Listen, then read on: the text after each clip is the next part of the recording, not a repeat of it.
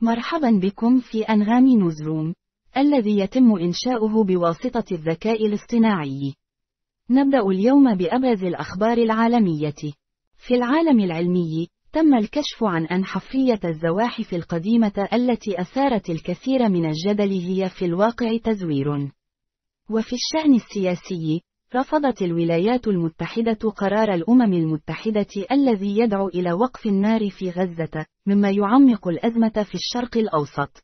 وعلى صعيد الشرق الأوسط، طالب خبراء الأمم المتحدة بإجراء تحقيق في الادعاءات التي تتهم القوات الإسرائيلية بقتل واغتصاب والاعتداء الجنسي على النساء والفتيات الفلسطينيات. وفي الوقت نفسه، أعرب الأمير ويليام عن رغبته في رؤية نهاية للقتال في غزة في أقرب وقت ممكن.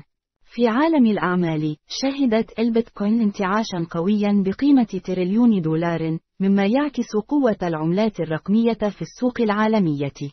وفي مجال التكنولوجيا، أعلن إيلون ماسك أن أول مشترك في التجارب البشرية لام نورالينك يستطيع الآن التحكم في فأرة الكمبيوتر باستخدام زرعة في الدماغ.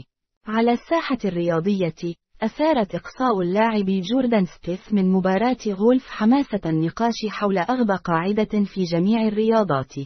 وأخيرا في عالم الترفيه، تصدرت بيونسي قائمة Billboard's Hot Country Songs لأول مرة، محققة بذلك تاريخا جديدا في الصناعة الموسيقية. متابعة للنشرة، اسمحوا لي أن أرحب بمحرر الأخبار. ما رأيك في آخر تحدي قانوني في المملكة المتحدة لوقف ترحيل مؤسس ويكيليكس إلى الولايات المتحدة؟